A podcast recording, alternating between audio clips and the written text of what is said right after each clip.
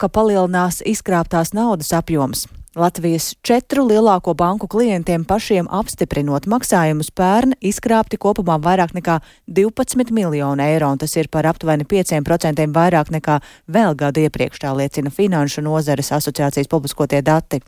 Pagājušā gadā bija nepilni 8000 krāpšanas gadījumu, kas ir teju par pusi vairāk, un virkni krāpšanas gadījumu arī novērsti. Tādi bija 13,5 tūkstoši, sasniedzot vairāk nekā 9 miljonus eiro. Un kā izvairīties no šādiem krāpniekiem, to skaidro Latvijas Bankas finanšu pratības eksperts Ingus Valtiņš.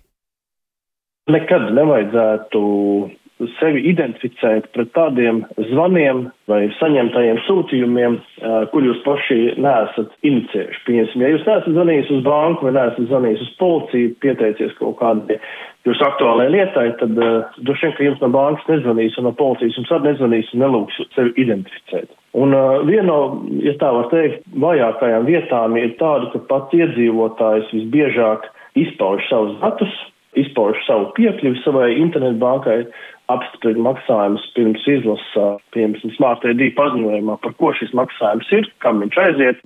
Šī tā izkāptā summa, tas ir daudz vai maz?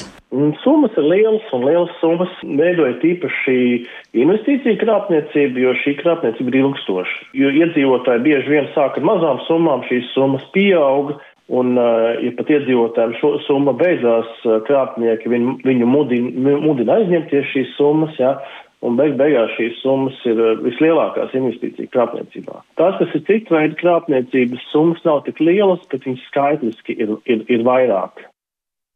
Un to, ka finanšu krāpniecība ir izplatīta parādība, to apliecina arī teju vai katrs Latvijas radio uzrunātais. Ja ne pats, tad kāds no tuviniekiem vai draugiem ar to ir saskāries un par savu pieredzi kolēģei Sandrai Dieziņai stāsta Rīgas ielās uzrunātie cilvēki.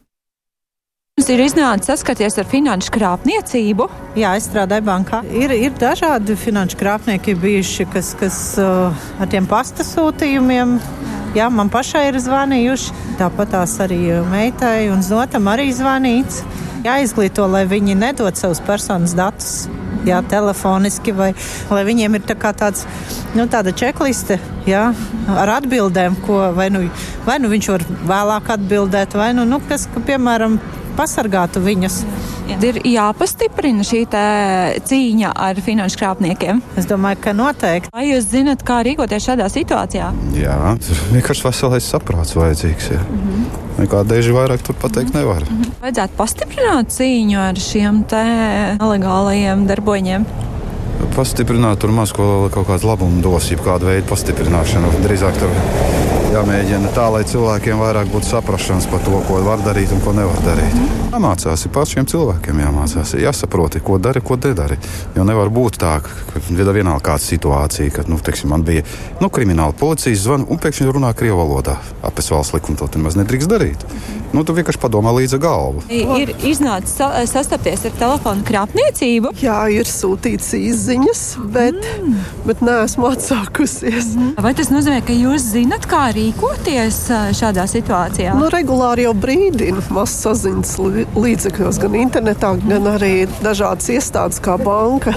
Tāpēc pagaidām man ir veicies.